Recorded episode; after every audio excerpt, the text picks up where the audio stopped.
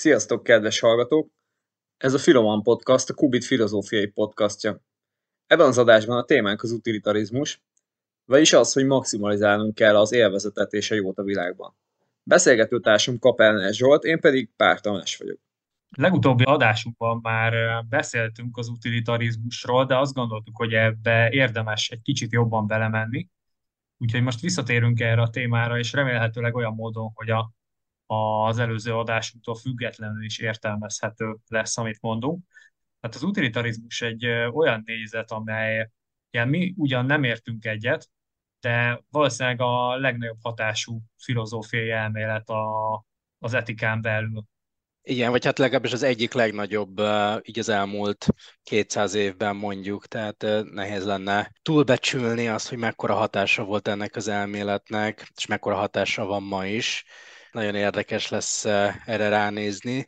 Ugye, igyekezni fogunk majd annyira méltányosak lenni, amennyire csak lehet, de azért ezt meg kell hagyni, hogy ugye kettőnk közül egyikünk se utilitarista, és nem véletlenül, szóval ezt tartsátok észben, kedves hallgatók, ahogy hallgatjátok a beszélgetésünket. Igen, és az utilitarizmusnak, ahogy mondod, szertágozó öröksége van, tehát mind a mai napig hat mindenféle területein az életünknek, vagy az elméleteinknek, és ez egy elég vegyes örökség, majd ez is szóba fog kerülni, hogy miben pozitív ez, akár miben negatív. Tehát, hogy az utilitarizmus történetéről azt kell tudni, hogy azt szokás mondani, hogy az utilitarizmus atya Jeremy Bentham, egy brit filozófus, aki a 18. században élt, illetve az ő tanítványa volt ugye John Stuart Mill, a harmadik nagy alakja a klasszikus utilitarizmusnak az Henry Sick, aki a 19. század végén élt, és, és aki így lezárja ezt a nagy 18-tól 19. századig tartó nagy utilitarista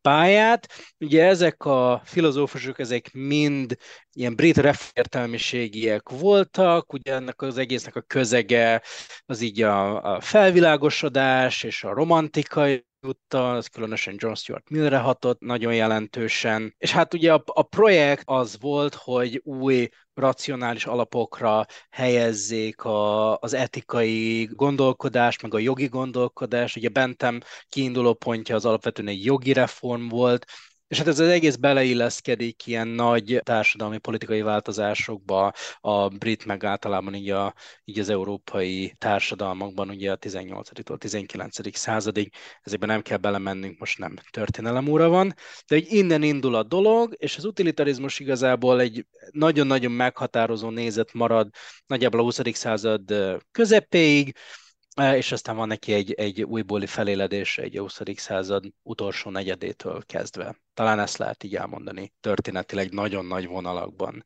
Ezen a ponton talán most már lassan érdemes lenne elmondani, hogy tulajdonképpen mi is az az utilitarizmus, mi is ez a nagyon nagy hatású gondolat, amiről itt beszélünk. Igen, annyit fűznék ehhez hozzá, hogy én úgy emlékszem, hogy a John Stuart Mill haszonelvűségről, vagyis az utilitarizmusról írt könyvében tulajdonképpen azt írja, hogy ez a nézet már felmerült Platón dialógusaiban is, tehát ennyiben már megjelent Bentem előtt is, és persze később Bentem után meg sokféle változata is megjelent ennek, ami különböző, hát apró, kisebb-nagyobb részeit, részleteit változtatják, módosítják ennek az alapteóriának. Hogy is nézett ki ez körülbelül Bentem és Mill gondolati tengelyében? Néhány alapvető elvre lehet talán ezt egyszerűsíteni, azokban vissza lehet adni ezt a gondolatot. Az első az ugye nem más, mint a jó maximalizálása az, ami helyes. Itt fontos kérdés, hogy mi, mi egyáltalán az a jó, és ez az másik alapvető gondolata ennek az elméletnek. Ugye a jó az semmi más, mint ami élvezetes, örömteli, illetve boldogsággal tölt el.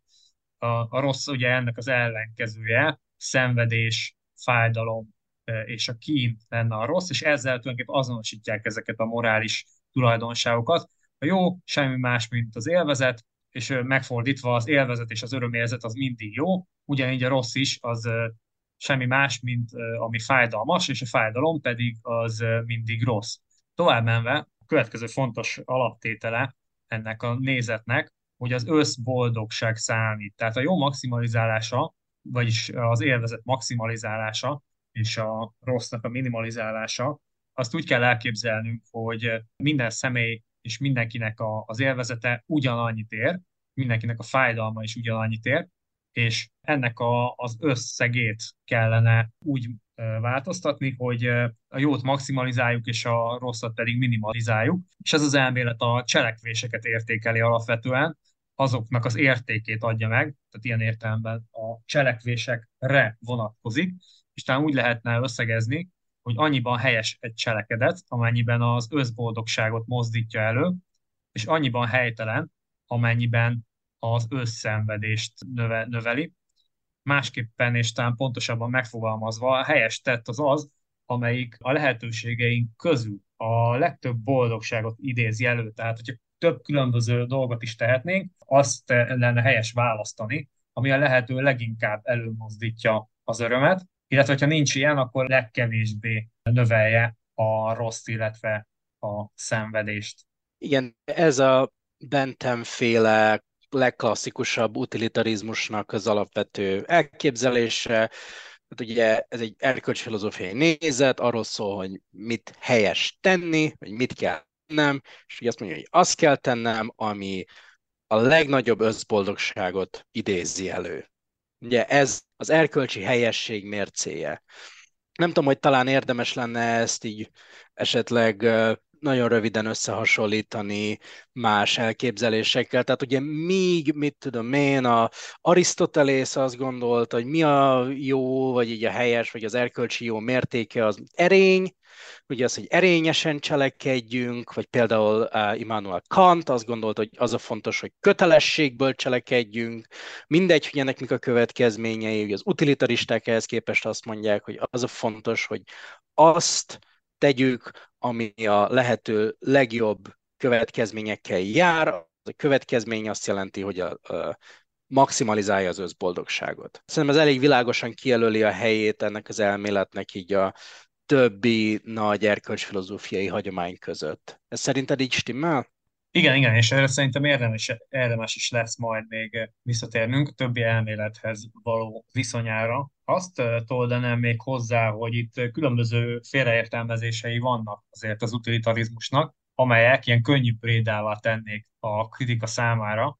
Az egyik az az, hogy az utilitarizmus az nem más, mint valamiféle egoizmus, tehát én találkoztam már több helyen ezzel a szókapcsolattal, hogy egoista utilitarizmus, tehát valójában messze nem erről van szó, sőt pont az ellenkezőjéről, hiszen ahogy megpróbáltam kiemelni, itt minden embernek, minden egyes embernek ugyanannyira számít az élvezete vagy a fájdalma, és amikor azt mondjuk, hogy maximalizálni kellene az élvezetet, vagy minimalizálni a fájdalmat, az nem csak az adott személynek az élvezetére és rossz érzetére vonatkozik, hanem minden egyes emberére, és minden egyes ember számára az lenne a helyes, hogyha mindenkinek az összeadott boldogság egyenlegét azt maximalizálná. Az utilitarizmusban pont az a pláne, hogy azt mondja, hogy amikor erkölcsi kérdésekről gondolkodunk, arra gondolkodunk, hogy mit helyes tenni, akkor éppen, hogy egyfajta ilyen pártatlan álláspontra kell helyezkedni. Ugye Sidgwick azt írja, hogy az univerzum nézőpontjából kell tekinteni a dolgokat, éppen, hogy nem az én saját egoista, e, első személyű nézőpontomból, hanem az univerzum nézőpontjából. Talán ami az egyik forrása lehet ennek a félreértésnek, ugye, hogy Bentem maga, ha jól tudom, ő egy úgynevezett pszichológiai egoista volt, tehát azt, gond, azt, azt gondolta, ugye, hogy a, a motivált, tehát ugye az ilyen egyéni motivációink az, azok az egyéni öröm és fájdalom érzetből jönnek. Ugye van ez a híres mm. idézet a Bentemtől, hogy a természet ugye két, nem is tudom, hogy van ez a magyar fordításban, de hogy két szuverén úr alárendelte az embereket, ugye az öröm és a fájdalom. Tehát, hogy van egy, van egy fajta pszichológiai egoista sztori, de hogy ez ugye független az, az erkölcsi kérdésre, hogy mit helyes tenni. Ez egy másik kérdés. Igen, még egy dolgot emelnék ki ezzel kapcsolatban, hogy gyakran szokás azt is mondani, hogy az utilitarizmus az első sorban a politikában működik, kölcsökben kevésbé, illetve olyat is láttam már leírva, hogy a nemzetállamokban tulajdonképpen győzedelmeskedett az utilitarizmus minden ennek az elvei szerint működik.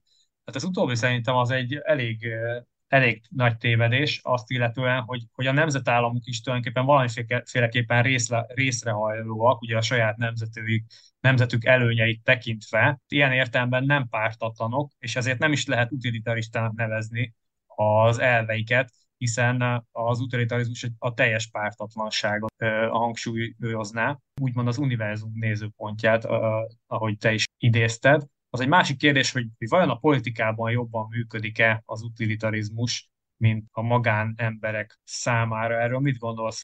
Ugye azt érdemes megjegyezni, hogy ami ennek a hátterében lehet, ugye az az, hogy, a, hogy különösen Bentemnél ugye a központi projekt, az utilitarizmus központi projektje, az ténylegesen valamifajta társadalmi politika és elsősorban jogi reform. Ugye Bentem egy e, jogfilozófiai kérdésektől indul el. Az ő projektje az, hogy ez az egész angol jogrendszer, ez így nem jó, ezt szép, racionális, kodifikált alapokra kell helyezni, és ehhez először meg kell mondani azt, hogy oké, okay, mi a rossz az kérdek, mi a jó, mi, mik azok a célok, amiket a jognak és általában a társadalmi politikai intézményeknek meg így elő kellene mondaniuk, és, és erre egy válasz ugye az utilitarizmus, mint elmélet. Látjuk azt, hogy azért az utilitarista szerzők nagy többsége, különösen Bentham és Mill általában nem, hogy is mondjam, az ilyen egyéni erkölcsi dilemmák foglalkozik, vagy hogy hogy éljem én egyénileg az életemet, hanem ilyen nagy intézményes társadalmi kérdésekkel, ugye ilyenek, tehát erről is fogunk majd beszélni,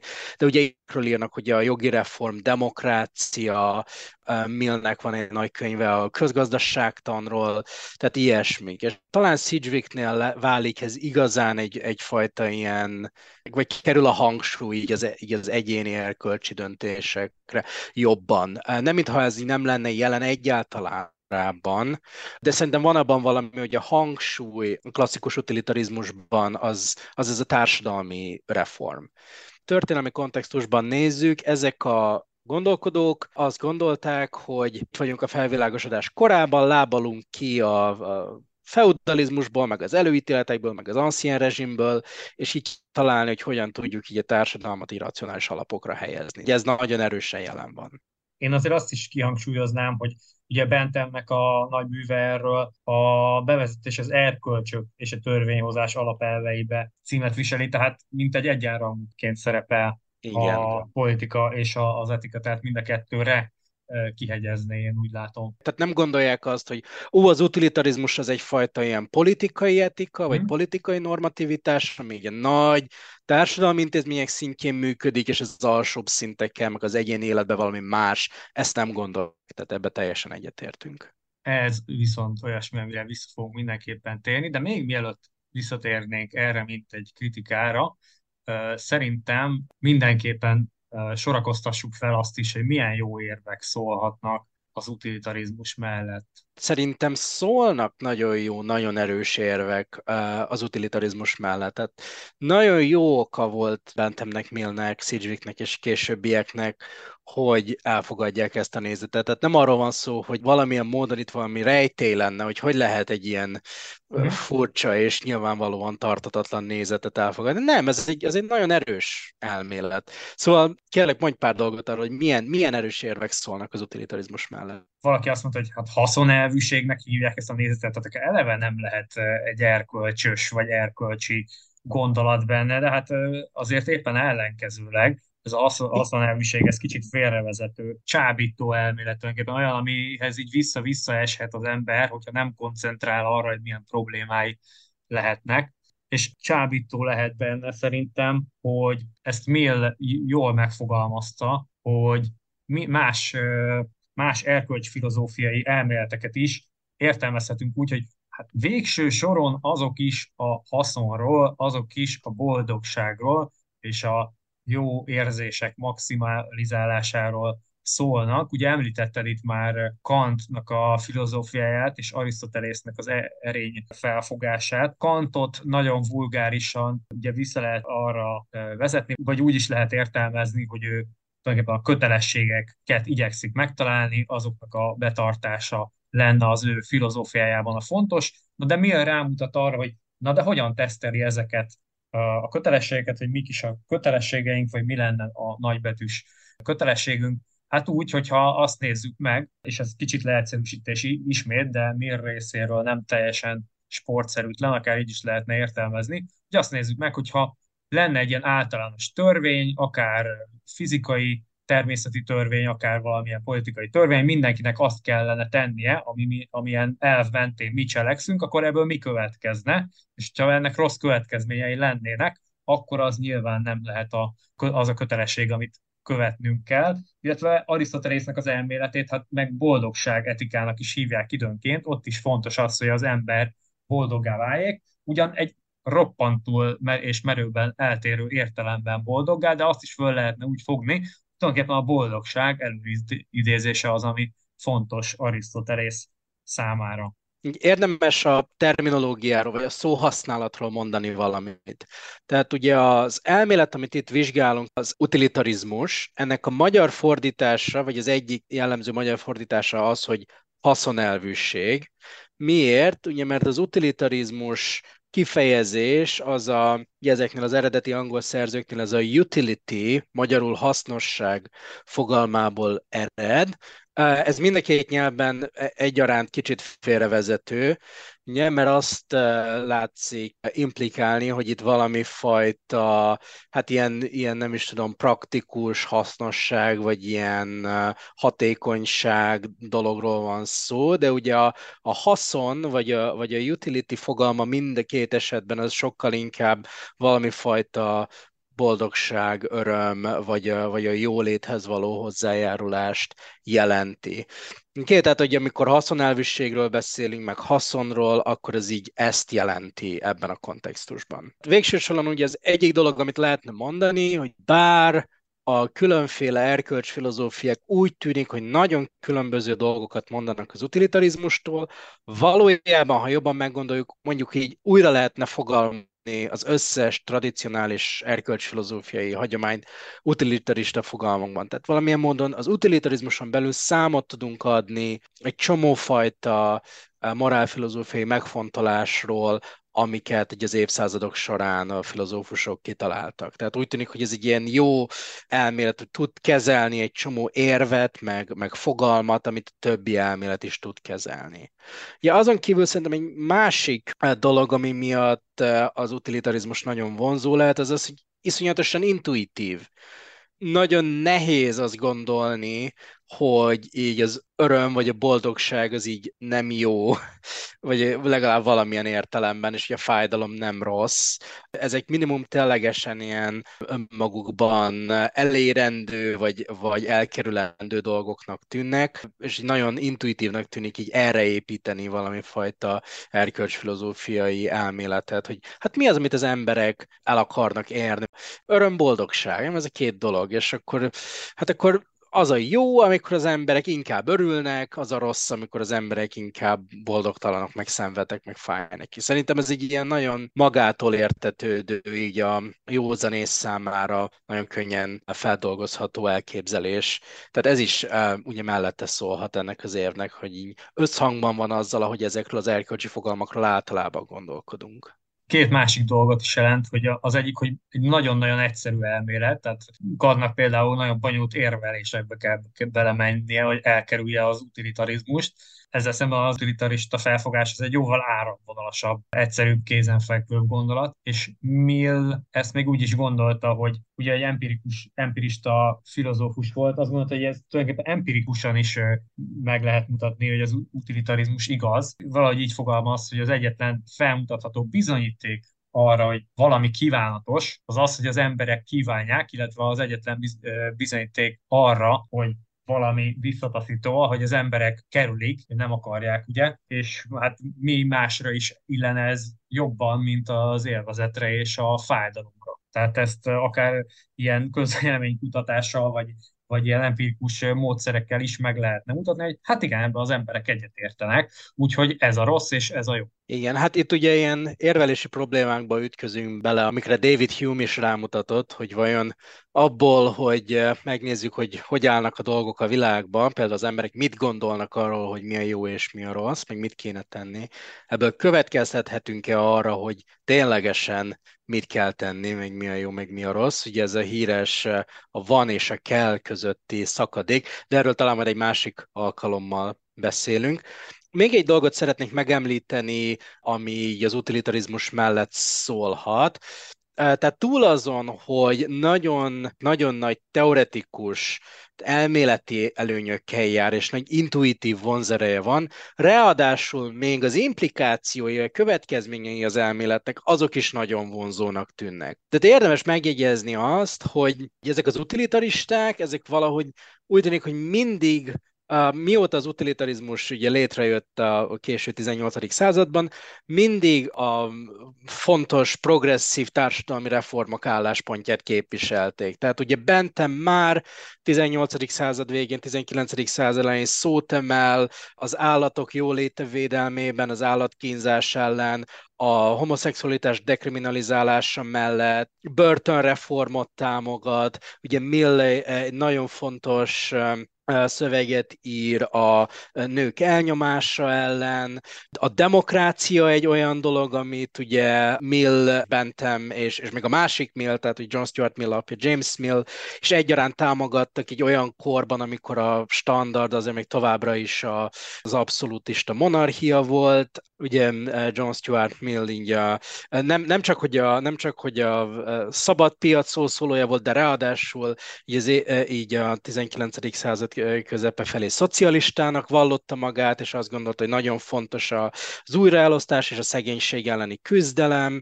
Tehát úgy tűnik, hogy bárki bármilyen ilyen fontos, progresszív ügyet akarna képviselni, nagyon könnyen ott találja magát, hogy az egyik első szószólói ezeknek a fontos ügyeknek azok, a, azok az utilitaristák voltak, és ez azóta is így maradt. Tehát ugye a jelenkor legjelentősebb utilitarista filozófusa valószínűleg Peter Singer, és ő a legjelentősebb képviselője és, és elméletalkotója az állatok felszabadítása mozgalmának, az Animal Liberation, tehát a, ami, ami még egyszer ugye az állatok jóléte mellett szólal fel, és amellett, hogy hagyjuk abba az ilyen ipari mezőgazdaságot, beleértve az ipari állattenyésztést, nem is beszélve arról, hogy szintén Singer szerzője egy nagyon-nagyon fontos 70-es évekbeli cikknek, ugye ez a Feminine Affluence Morality, tehát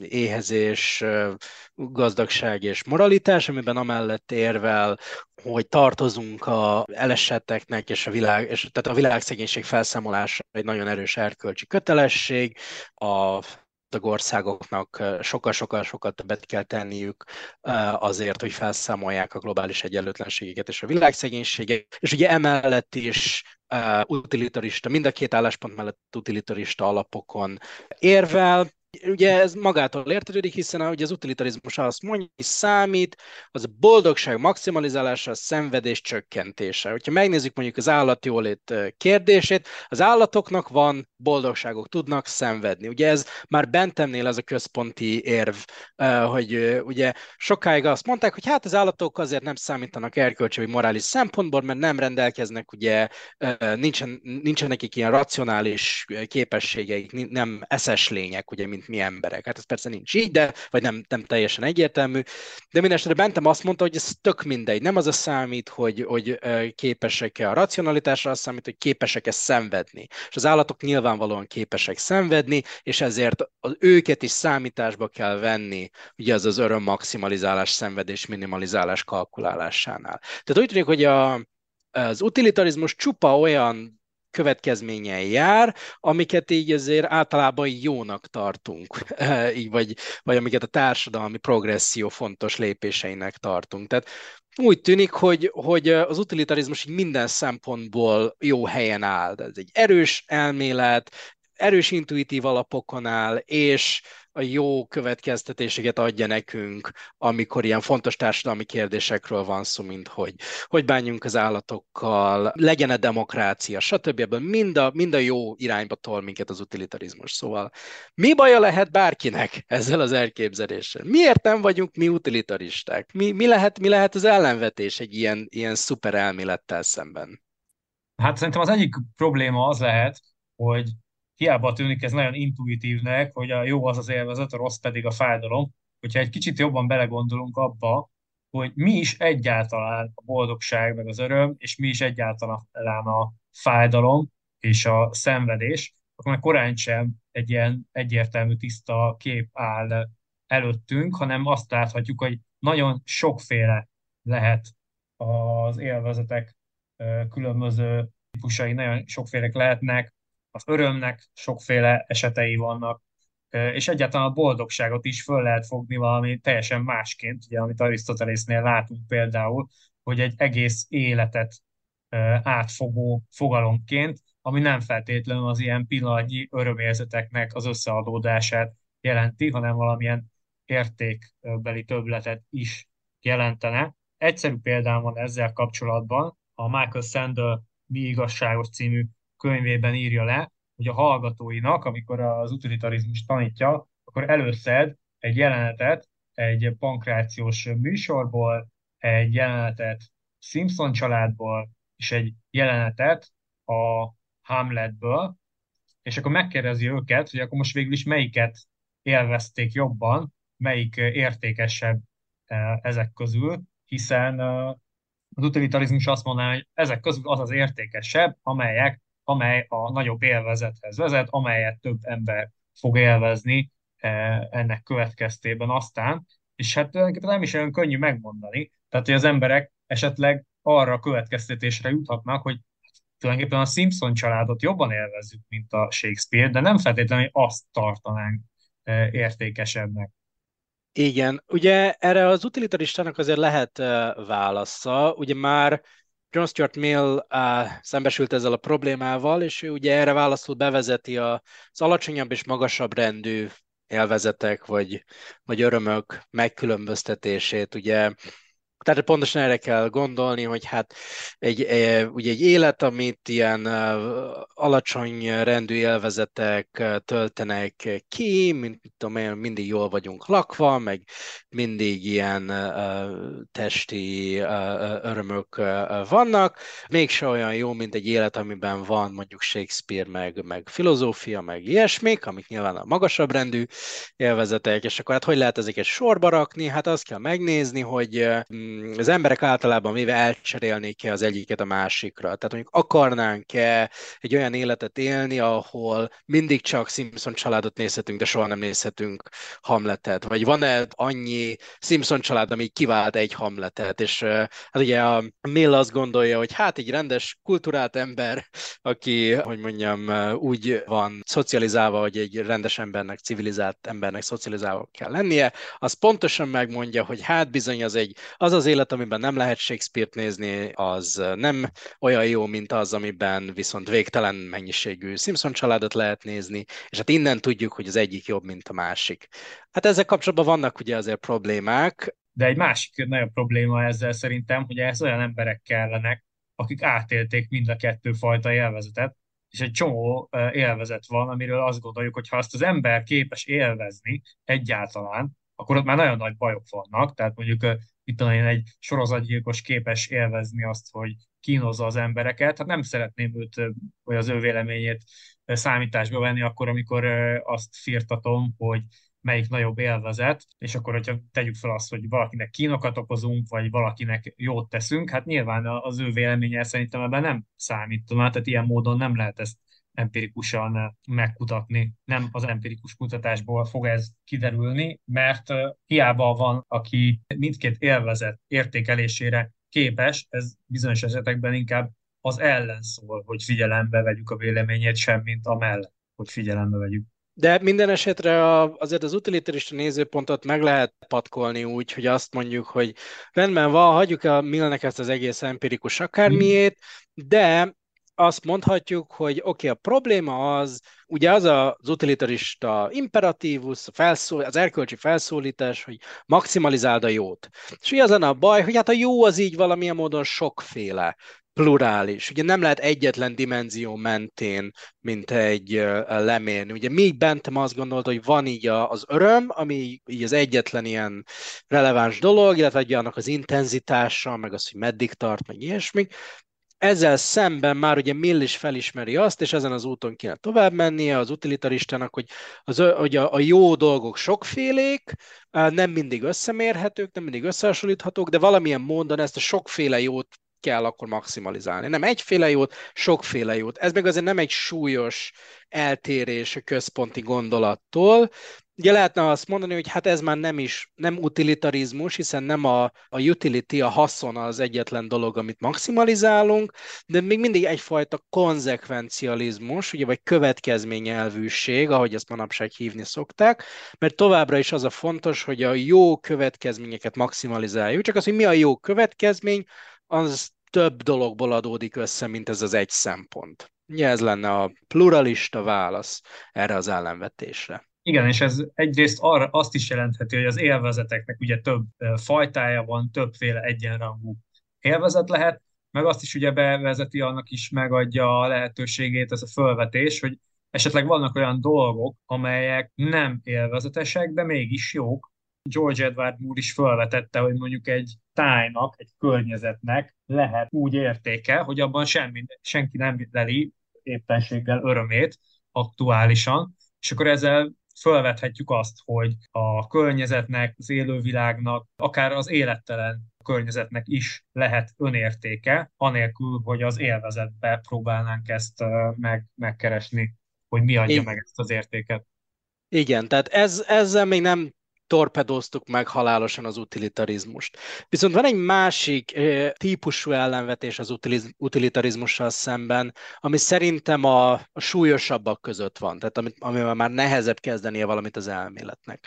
Ez pedig az, hogyha komolyan vesszük ezt a fajta következményelvűséget, következményetikát, ami az utilitarizmus magába foglal, annak nagyon kontraintuitív következményei lesznek. Olyan következményei lesznek, amelyeket semmi szín alatt nem lennénk hajlandóak elfogadni. Mert egy bizonyos értelemben az utilitarizmus azt mondja, hogy a tettek helyességének a megítélése szempontjából csak a következmények számítanak. És innen nem nehéz eljutni odáig, hogy azt mondjuk, hogy a cél szentesíti az eszközt ahol a cél a jó maximalizálása, az eszköz pedig bármilyen tett.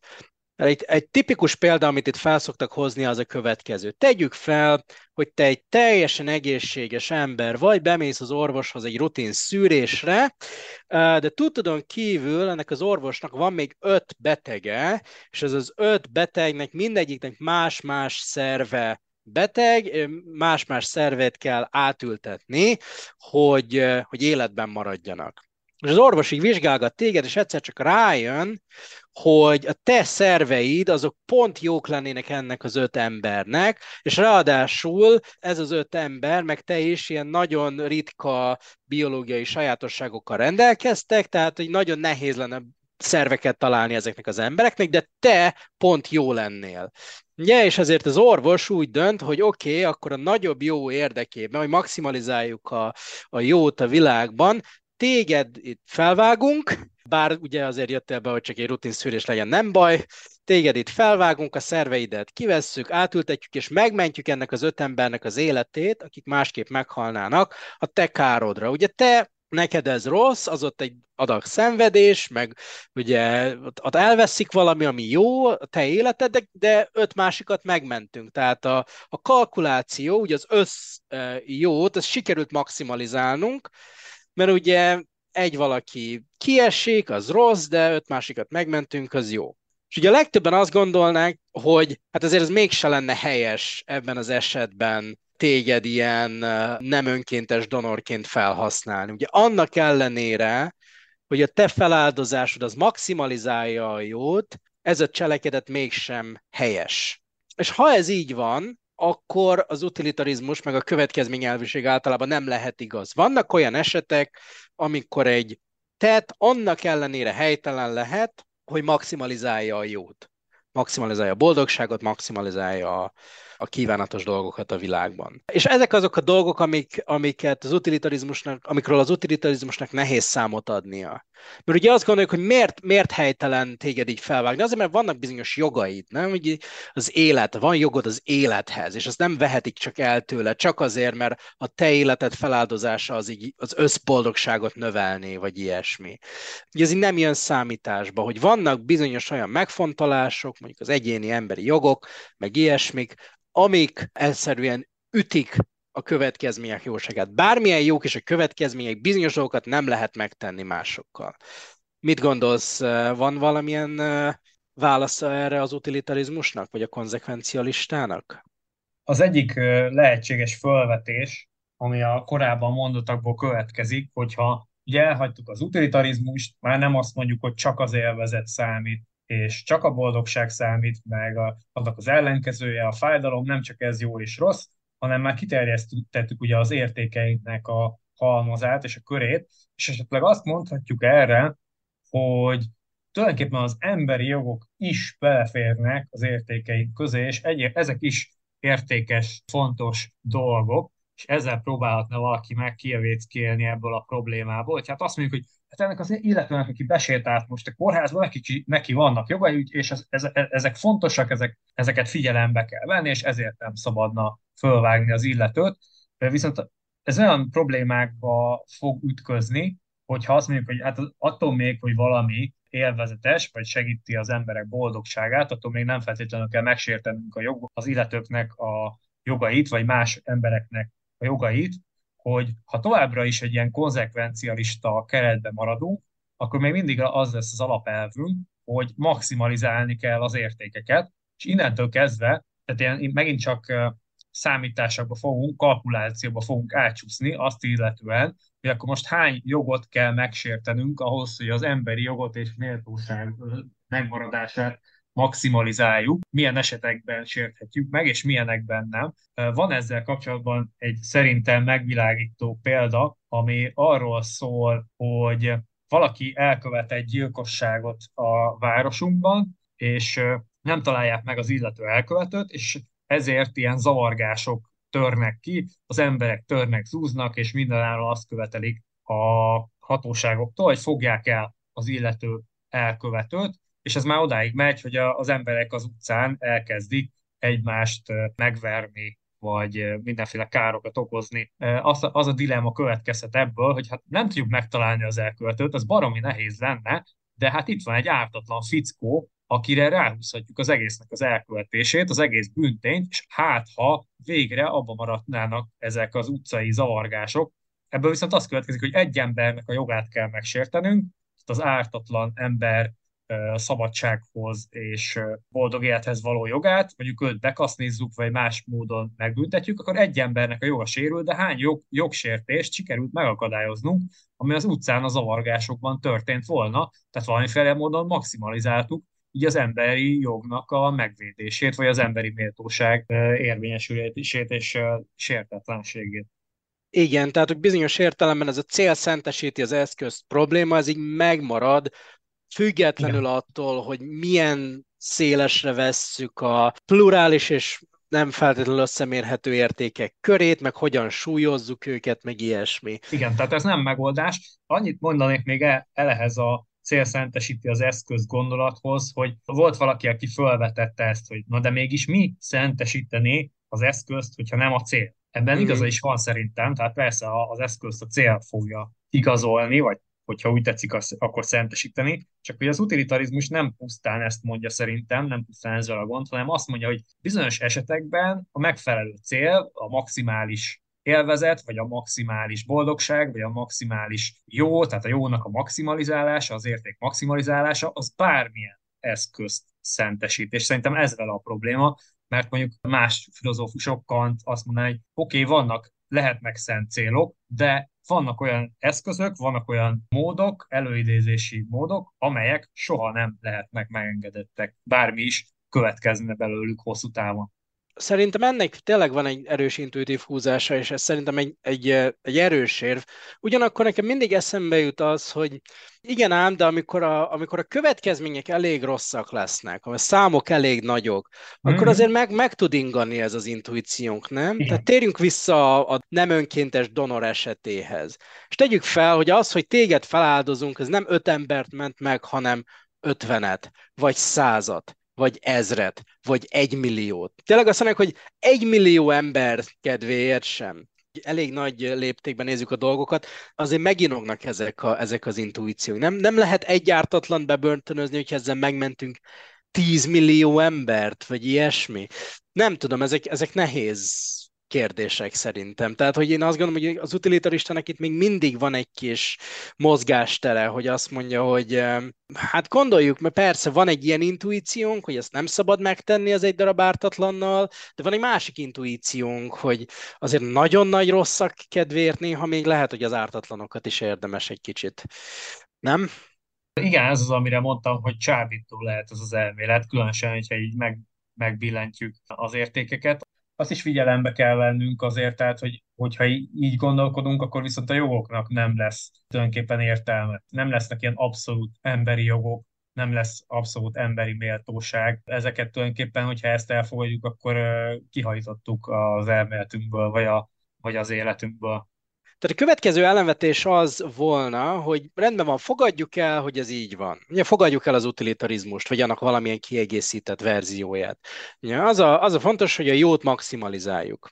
Igen ám, de iszonyú nehéz tudni azt, hogy melyik konkrét cselekvés maximalizálja a jót. Különösen akkor a figyelembe vesszük azt, amiről a múltkori adásban is beszéltünk már egy kicsit, hogy elképzelhető, hogy a világ tele van ilyen pillangó hatásokkal. Ugye ez az az elképzelés, hogy én itt most csinálok valami nagyon pici dolgot, arrébb teszem ezt a bögrét az asztalomon, és ki tudja, hogy ez nem indít el valamilyen olyan eseménysort, események olyan láncolatát, ami sok-sok áttételen keresztül valamikor a jövőben majd valami, nem tudom, nukleáris katasztrófához vezet, vagy ilyesmi. Tehát honnan tudjam én, hogy ez a látszólag ártatlan cselekedet, ez nem fog-e iszonyatosan rossz, vagy éppen iszonyatosan jó következményekkel járni. Tehát, hogy még ha igaz is az utilitarizmus, hát betarthatatlan. Ugye nem, nem fogom tudni azt megállapítani, hogy melyik cselekedet maximalizálja a jót. Nem tudom követni azt az előírást, amit az utilitarizmus velem szemben támaszt. Mit mondhatunk erre az ellenvetésre szerinted? Én ezt egyébként nem válaszolnám meg, hanem összekötném egy másikkal, mert szerintem összefügg.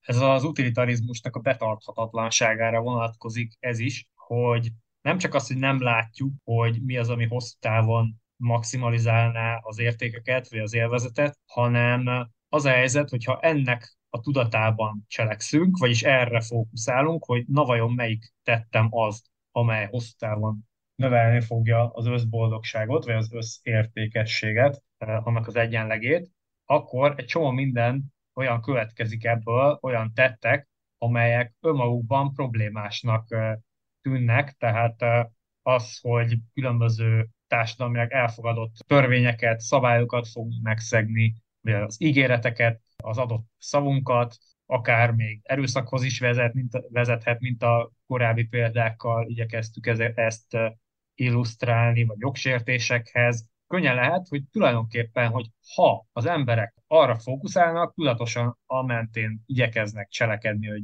növeljék a hasznosságot, az értékeket, a jót, akkor ennek pont az ellenkezője fog megtörténni, mert annyi rosszat követnek el ennek folytán, aztán, hogy ez pont ellenében hat a jó maximalizálásának. Tehát mint egy saját magát szünteti meg, vagy törli el, vagy te, homályosítja el az utilitarizmus, hogy ha követnénk ennek az előírását, akkor pont, hogy az utilitarizmus ellen tennénk, és vétenénk abban az értelemben, hogy mégsem maximalizálnánk a jót, hanem pont ellenkezőleg.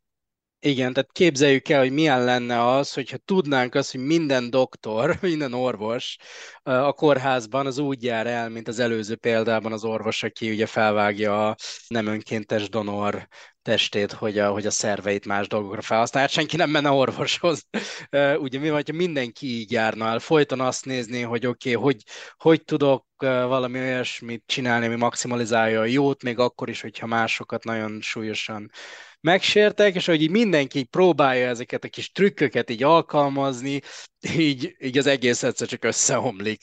Annyit tennék hozzá, hogy nem, ugye nem, nem azt kell néznünk, hogy mindenki folyamatosan ezt csinálná, hanem ugye az emberek így átgondolják, hogy hát így általában ez nem működik, mert akkor nem jön be hozzám a páciens, de néha-néha, hogyha olyas valaki jön be, akire úgy senki nem figyel, senkinek nem számít, hát akkor néha így belefér az, hogy az életet feláldozzuk öt másik érdekében, és tehát így legalábbis úgy tűnik, hogy morálisan szabad volna ilyen dolgokat tenni, és ezek a kiskapuk, ezek a lehetőségek, ennek a fölmerülése az viszont, ami hosszú távon kifejezetten katasztrófához vezethet. Standard válasz ugye az utilitaristának általában az, hogy különbséget kell tenni két dolog között. Ugye különbséget kell tenni az utilitarizmus, mint filozófiai elmélet között, ami arról szól, hogy mi a jó, vagy mi a helyes cselekvés. Ugye ez kizárólag arról szól, hogy megnézzük ezt a cselekvést, akkor ez helyes volt-e vagy nem. Ez egy, ez egy elméleti kérdés. Ha van ehhez képest a gyakorlati kérdés, hogy tudod, milyen döntési szabályok szerint hozzuk meg a döntéseinket a hétköznapi életben. És ez lehet két tök külön dolog.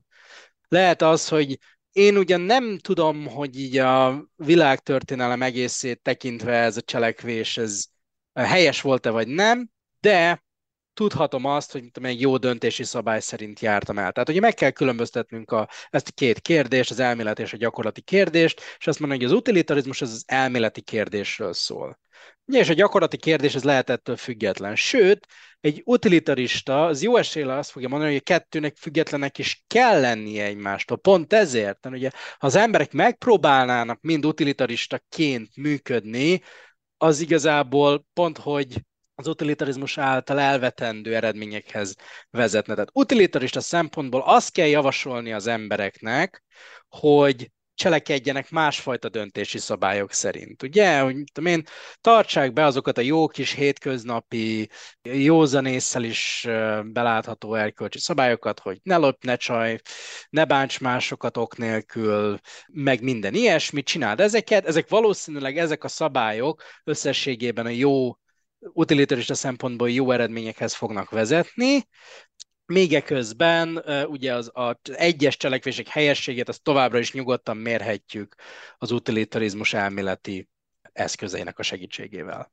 Azt lehet erre felvetni, hogy tulajdonképpen ezt az egyszerű konzekvencializmust, amely a tetteket értékeli, és a tettek erről dönti el azt, hogy helyesek vagy helytelenek voltak annak fényében, hogy előmozdították-e, és milyen mértékben az összboldogságot. Ehelyett azt mondjuk, hogy nem a tetteket értékeljük, vagy ítéljük helyesnek, vagy helytelennek magukban, hanem egy bizonyos szabályhoz képest döntjük el ezt, és ez az egyszerű szabály nem pusztán a, a jónak meg a rossznak a maximalizálása, illetve minimalizálása, hanem egy olyan szabály, amely ő maga hosszú távon több jóhoz vezet, de ez a szabály nem pusztán ezt mondja ki, hanem mondjuk olyanokat, hogy ne lopj, vagy mások tulajdonában ne tegyél kárt, vagy mások személyét ne sértsd meg, és hasonló.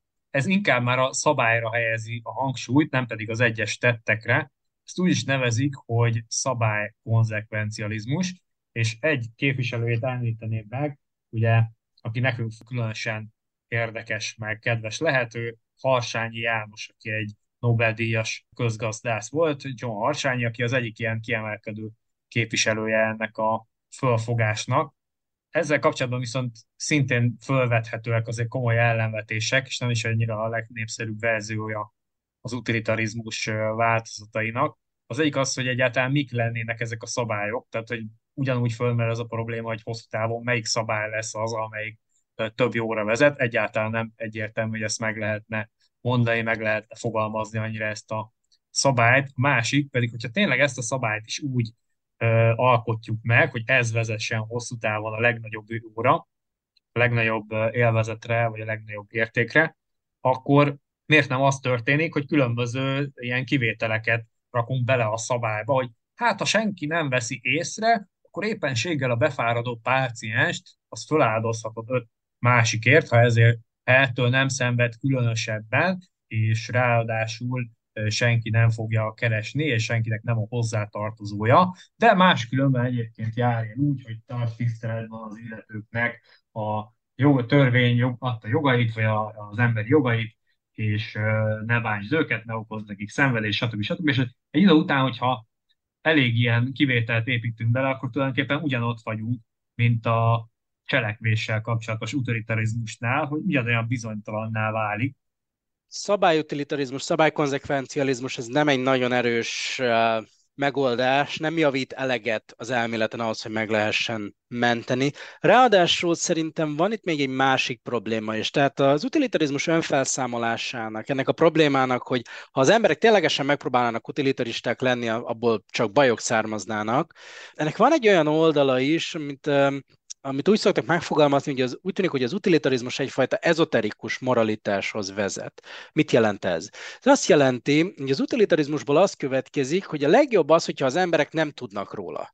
Legjobb az, hogyha az emberek nem tudják azt, hogy az utilitarizmus igaz, hanem azt gondolják, hogy hát a helyes cselekvés az az, ami ne lop, ne csaj, tíz parancsolat, aranyszabály, ilyesmik. Sőt, még ezen túlmenve, nem is, nem is csak arról van szó, hogy a legjobb az, hogyha az emberek nem tudnak róla, ennél még egy picit jobb lehet az is, hogyha van egy ilyen szűk réteg, akik elég jól informáltak, akiknek elég sok információjuk van, meg képességük arra, hogy ezeket az információkat földolgozzák, és ők tudnak az utilitarizmusról, és ők egy picit azért úgy úgy irányítgatják a dolgokat, hogy a dolgok azért utilitarista szempontból jó mederben haladjanak. És ez például Sidgwick, akiről beszéltünk, ugye ő a kései képviselője a klasszikus utilitarista hagyománynak, nagyjából gondolta is. Tehát nagyjából, nagyjából azt mondta, hogy igen, az utilitarizmus egyfajta ilyen ezoterikus moralitást implikál, de nem baj az, hogyha van a e, kiművelt, e, és bölcs, nem tudom, filozófusoknak vagy államférfiaknak egy ilyen rétege, akik azért az tisztában vannak az elmélettel, és egy kicsit így jó fele vezérlik ezt a dolgot. És hát ugye ez ebből egyfajta elég problematikus elitizmus következik. A Bernard Williams, aki az utilitarizmus egyik legnagyobb hatású kritikusa volt a 20. században, ő ezt úgy nevezte, hogy government house utilitarianism. Ugye ez a, a government house, ez egy, ez egy ilyen gyarmati metafora, ugye arra kell gondolni, hogy ez a, a gyarmati kormányzónak a, a rezidenciája, ahol, a, ahol az, az elit kifőzi, hogy mi a jó megoldás, meg milyen, hogy kéne kinézni a társadalomnak, és akkor az alávetetős lakosok pedig, akik nem tudnak semmiről, hanem tudatlanságban vannak hagyva,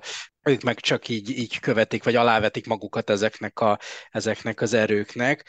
És szerintem bizonyos szempontból tényleg van valami fajta elitizmus ebben, a, ebben az egész utilitarista projektben. Tehát ezért mégis arról van szó, hogy rakás, jómódú, művelt, ilyen angol gentleman kifőzi azt, hogy mi lenne egy a legjobb a, a világnak, és akkor és, és így elmagyarázza sok hülye előítéletes embernek a világban, meg így, hogy hogy kéne racionálisan csinálni a társadalmat. Tehát, hogy ebben azért van, van egyfajta ilyen, ilyen hozzáállás, és ez úgy magának a, hogy az elméletnek a tartalmán is meglátszik. Ugye egy példát hoznék csak fel, ugye John Stuart Mill, akiről azért érdemes megjegyezni, hogy ő életének egy elég jelentős részében ugye a Brit Kelet-Indiai Társaságnál dolgozott, és elég keményen elég keményen benne volt így a, a, a brit gyarmati és birodalmi törekvésekben, és ezeket nagyrészt pártolta is az írásaiban. Szóval ez a government house metafora, ez egyáltalán nincs eltévedve, hogy úgy mondjam.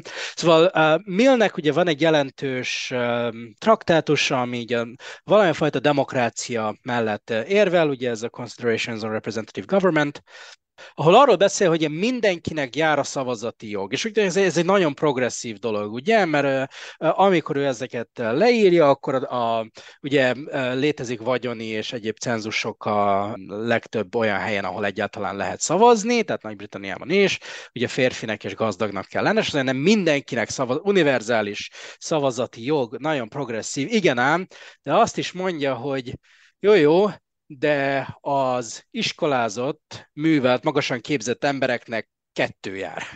Tehát nekik több, nekik több szavazat jár, mert akik okosabbak, akik bölcsebbek, akik jobb értelmi képességekkel rendelkeznek, azoknak a szava nagyobb súlyjal kell, hogy latba essen a világban. Szóval, hogy, szóval hogy ez az elitizmus egyáltalán nincsen eltévedve, ez egy, ez egy szerintem nagyon is része az elképzelésnek, és hogyha ránézünk ugye az utilitarizmus jelenkori megvalósulásaira, ugye az egyik legjelentősebb ilyen nagy, vagy legnagyobb hírnevet kapó ilyen projekt, ami ilyen utilitarista alapokon áll jelenleg, ez az úgynevezett effektív altruizmus projektje. Erről a Tilos Rádió filozófiai műsora az, amiről nem lehet beszélni, volt egy adása, ott, ott meg lehet hallgatni azt, hogy ez, ez miről szól, nem akarok nagyon súlyosan belemenni. A lényeg az, hogy ez egy nagyon elterjedt mozgalom, különösen mindenféle olyan figurák körében, akik nem csak nagy vagyonnal, de nagy hatalommal és társadalmi befolyással is bírnak, mint Elon Musk és ilyenfajta emberek, akiknek nagyon, nagyon tetszik ez az elképzelés, és az ő utilitarista alapjai, és hát azért ezek mégiscsak olyan figurák, akik eléggé úgy érzik, hogy, hogy nekik joguk van arra, hogy, hogy a világot a maguk kényekedvük szerint formálják mindenféle mondjuk úgy demokratikus felhatalmazás nélkül. Szerintem nem is annyira Elon Musk, hanem Bill Gates, vagy aki most például különböző ügyletei miatt elítéltek, és nagyon benne volt ebben a hatékony altruizmus bizniszben, ő Sam Bankman-Fried. Igen, tehát hogy ez egy csupa olyan ember, aki ugye rengeteg pénz, meg ilyen techno tudás, meg ilyesmi, vagy ilyen technohatalom birtokában és kicsit rossz indulatú vagyok, de, de csak azért sarkítom ennyire a dolgot, hogy át lehessen érezni itt a problémát, hogy azt gondolja, hogy ők így megmondhatják így a tudat, vagy még inkább a tudatlan tömegek háta mögött, így kitalálhatják, hogy hogy legyen jobb a társadalom, és akkor, e, és akkor mindenki, mindenki más meg is szenvedje el e, az, hogy ők így milyenné teszik a társadalmat. E, szóval ez egy, ez egy fajta ilyen dolog, ez nem annyira egy elméleti ellenvetés, hanem hát részben egy ilyen, hogy mondjam, ízlés kérdés talán, hogy valamilyen módon azért ez, ez, ez ilyen fajta elitizmus ellen picit úgy ágál a elkölcsi, esztétikai, társadalmi ízlések. Hát már akinek legalábbis. Én azt látom, hogy ahogy korábban emlegettem ezt, hogy az utilitarizmusnak van egy pozitív öröksége, meg egy negatív öröksége, és mindaz, amit az adás elején mondtuk arról, hogy milyen társadalmi reformok, meg jó értelemben vett progresszív tör, törekvések kötődnek hozzá, az azt jelenti, hogy egy csomó jó szándékú ember dolgozott ezen az eszmei projekten, csomó jót és értéket letéve az asztalra, hát az ugyanígy vannak úgymond rossz fiúk is, akiknek, e, akik ennek az örve, vagy ennek a leple alatt valami rosszban sántikálnak, és az is megtörténik, mint, mint Mille esetében, hogy a kétféle emberke az ugyanaz, csak éppen nem tudatosul benne esetleg, hogy a kolonializmus az nem éppen a legszerencsésebb gyakorlat. Tehát én azt gondolom, hogy hogy ilyen elméletekkel, erkölcsfilozófiai felfogásokkal szemben az sem nem egy pozitív érv, sem nem egy ellenérv, vagy ellenük szóló úgymond cáfolat, hogy milyen emberek azok, akik képviselik ezt a nézetet. Én inkább ilyen elméleti síkra vinném ezt a problémát, hogyha azt mondjuk, hogy hát ez tulajdonképpen nem a széles néprétegeknek való, ők úgyse tudják egyrészt befolyásolni a nagy összefüggéseket, meg folyamatokat, meg úgyse tudják belátni azt, hogy mi az, ami hosszú távon majd akár több ezer év múlva a legnagyobb jóhoz fog vezetni, meg úgyse tudják fejben összerakni ezeket a gondolatokat, hogy mi a jó, mi a rossz, meg hogyan kéne a hasznosságról gondolkodni, és úgyis csak visszaélnének az utilitarizmussal, és ahogy az korábban mondtuk, hogy végül is az utilitarizmust könnyen lehet, hogy úgy értelmeznék a széles tömegek, hogy az valamiféle egoizmus, és akkor csak a saját malmukra hajtanák a vizet, hogy ez így emiatt aztán az utilitarizmust meg kell tartanunk a keveseknek. De azt gondolom, hogy ez inkább egy elméleti problémaként is felvethető, hogy hát azért a az erkölcs filozófiától többet várnánk, mint hogy egy ilyen absztrakt elméletet dolgozzon ki, amit legfeljebb a kevesek értenek és a kevesek hasznosítanak, hanem azt szeretnénk, hogy valamiféle eligazítást nyújtson az életünkben, valami, vagy valami általánosan alkalmazható felfogást is a kezünkbe adjon, vagy legalább olyasmit, ami inkább növeli az igényességünket, különböző értékekkel kapcsolatban, meg, meg a figyelmünket különböző értékekre, nem pedig azt szeretnénk, hogy, hogy ez valamiféle zűléshez vezessen, és ilyen értelemben ez egy elméleti probléma is szerintem az utilitarizmussal kapcsolatban, meg a konzekvencializmussal szemben is bizonyos értelemben egyetértek veled, ugyanakkor azt is kell látni, hogy, hogy azért a legtöbb erkölcsfilozófiai elméletnek lehet egy ilyen következménye, ugye kezdve, tehát ugye Arisztoteles sem gondolt, hogy a széles tömegek erényesek lehetnek, ugye a sztoikus, mint amilyen Seneca híresen utálta a, a tömeget, Kant is egyébként azt gondolja, hogy lévén mindenféle ilyen természeti meghatározottságra, meg minden valójában baromi nehéz, lehet, hogy egyáltalán nem is lehet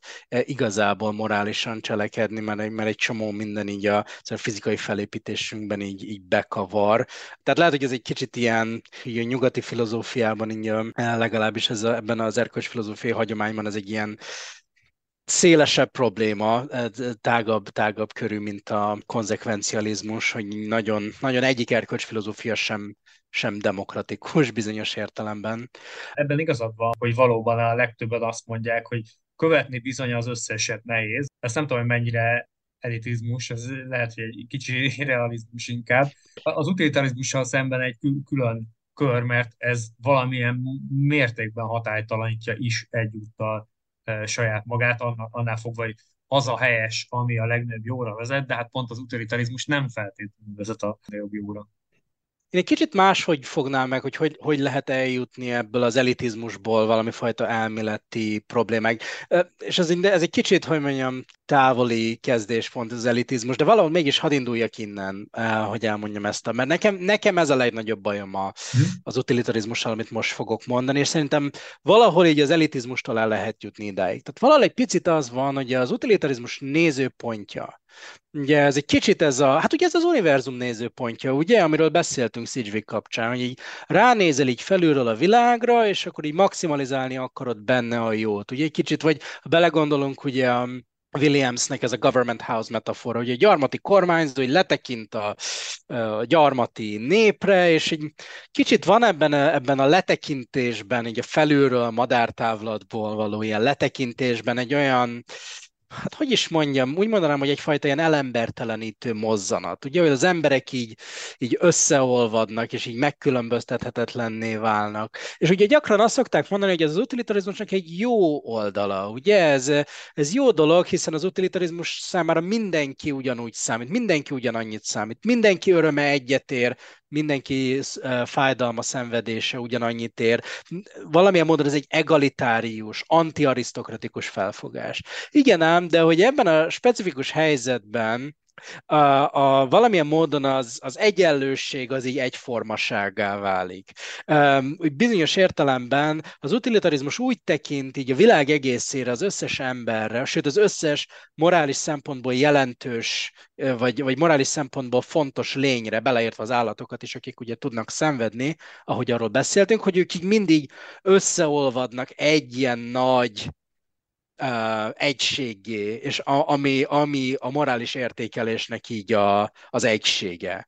És a, van ez az egy nagy öröm minusz szenvedés gombóc, és ezt kell így, hogy mondjam, növelni, úgyhogy minél több öröm legyen benne, és minél kevesebb szenvedés.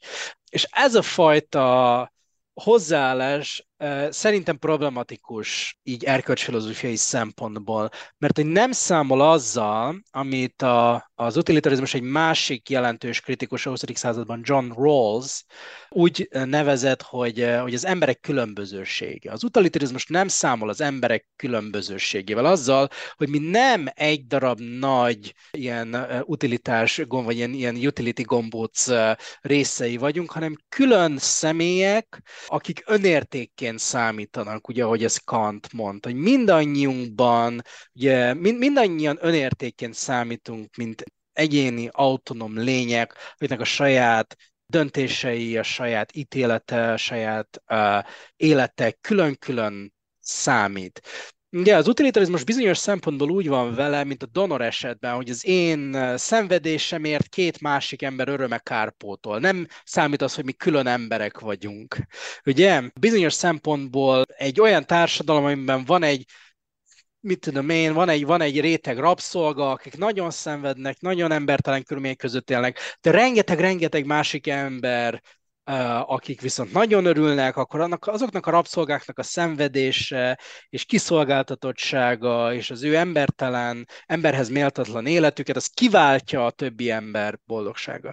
És ez bizonyos szempontból így immorális. Nem erről, nem erről szól az erkölcs, a moralitás, vagy helyes, annak valahogy abból kéne indulni, hogy mindannyian számítunk, külön-külön, mindannyian egyenlőként számítunk. Ugye, hogy Rose mondja, hogy mindannyian érvényes igények, önigazoló forrásai vagyunk. Mindannyian önérték forrásai vagyunk, és szerintem ez az, amit így az utilitarizmus nem tud megragadni. Az utilitarizmus ebből az univerzum nézőpontjából, ugye a gyarmati kormányzó nézőpontjából, a mindent mindenkinél jobban tudó uh, tech, tech mogul nézőpontjából mind összeolvadunk, és igazából nem, nem számítunk egyénként. Uh, nem is számítunk, ugye nem mi számítunk, hanem ez az öröm, ez a boldogság, ez a hasznosság, aminek mi pusztán a hordozói vagyunk. És ez szerintem egy nagyon-nagyon elszegényített és nagyon tartatatlan felfogás arról, hogy, hogy mi, mik vagyunk mi emberi lényként, és milyen módon számítunk erkölcsileg. Nem pusztán hordozói vagyunk a mindenféle ilyen, ilyen örömállapotoknak, vagy ilyen vagy ilyesmiknek, hanem, hanem egy, egy alapvetőbb szinten számítunk egyénként. Nekem ez a fő bajom az utilitarizmussal, én ezért nem vagyok utilitarista. Mit gondolsz erről az elképzelésről? Én ezt részben nem teljesen érzem lényegbe vágónak, másrészt meg szerintem ez valóban egy eszenciális pont. Amit, amit ebből nem teljesen érzek lényeginek, az, amit Rolls is felhozott, és amit föl, uh, mondtál, hogy az utilitarizmusban összeolvadnak a személyek, és úgy kezeljük az emberiséget, az állatokat is beleértve a, a, az összpopulációt, mint ami egy egység lenne, egy embert, kb. ilyen leviatán-szerű valami óriás létezőt jelentene. Szerintem nem erről van szó, tehát ők minden, azt mondják, minden egyes ember egy darabnak számít, különállónak, különállónak számít az élvezete, csak éppen azt nem veszik figyelembe, hogy külön-külön is külön személyekként, külön abszolút értéket képviselő, nem a mások javáért feláldozható valakik vagyunk. Tehát ők szerintem nem összeolvasztják az embereket, hanem, hanem valamiképpen negálják azt, amit a személy önértékén, méltóságán értenénk amúgy, ha nem vagyunk utilitaristák. Én azt gondolom, hogy ez egyúttal egy jó végszó is lehet, amit mondtál, hogy az utilitarizmus szerint tulajdonképpen nem vagyunk mások, csak jó hordozói, csak ilyen eh, tartályai az élvezetnek, meg a hasznosságnak. Ugye azzal bonyolítva a helyzetet, hogy ha már elvonatkoztatunk a klasszikus utilitarizmustól, akkor itt különböző más értékek is lehetnek, a személynek az önértéke, vagy olyan eh, értékek, amelyek nem csak az élvezetben kifejezhetőek, és nem csak arra konvertálhatóak, meg aként kalkulálhatóak. Minden esetre, hogy mi pusztán a hordozói lennénk ezeknek az értékeknek, amelyekkel így úgy lehet kalkulálni és összeadni, kivonni egymásból. Ehelyett valami olyasmi az alter, lehet az alternatívája az utilitarizmusnak, hogy van olyan érték, amit nem lehet pusztán kivonni a másikból, vagy hozzáadni a másikból, nem lehet vele ilyen értelemben kalkulálni, mert abszolút érték, mert végtelen érték, és ezek lennének az emberi személyek. Igen, vagy ha nem is, nem is tudom, hogy ez abszolút meg a végtelen a jó szavak, de minden esetre az, hogy önérték. Az, az önérték a felsorolásodban nekem kicsit kilógott, mert valami olyasmiről lenne szó, hogy nézd, ha még ha nem is vagy utilitarista, akkor is gondolhatod azt, hogy igen, néha kell áldozatokat hoznunk. Ha elég nagy a veszély és az ár, és tényleg egy millió embert kell megmenteni, akkor jó, lehet, hogy összességében nem tudunk jobbat mondani, hogy feláldozunk ezt az ember, de hogy ez akkor is egy rossz dolog. Ugye az utilitarizmus nem tudja megmondani, hogy ha maximalizáltuk a jót, akkor mi volt a rosszabban, hogy ezt az egy embert eh, mondjuk megkínoztuk, vagy, vagy feláldoztuk, vagy akármi és szerintem ez minimum ezt azért el kéne tudni mondani ahhoz, hogy, az, hogy ténylegesen komolyan vegyük azt, hogy az embereknek önértéke van.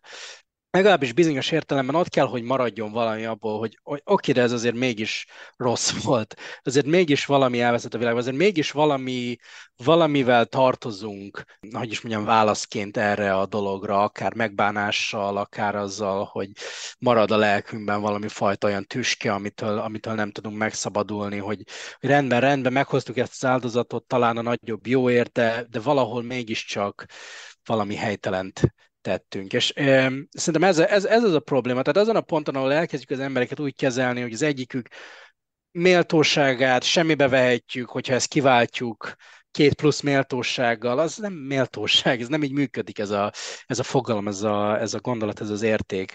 És szerintem itt, itt van a, az utilitarizmus szegénysége. Egyszerűen bizonyos erkölcsfilozófiai fogalmak nem úgy működnek, hogy azokat így integrálni lehessen egy, egy ilyen konzekvencialista kalkulusban, bármennyire komplex, bármilyen sokféle értéket vesz számításba. Ez lett volna akkor a mai végszavunk, és nektek pedig azt tudom mondani, kedves hallgatók, hogy kövessétek a Kubutot és a Filomant a Facebookon, hasonló témákkal fogunk még jelentkezni. Következő adásunkig sziasztok! Sziasztok!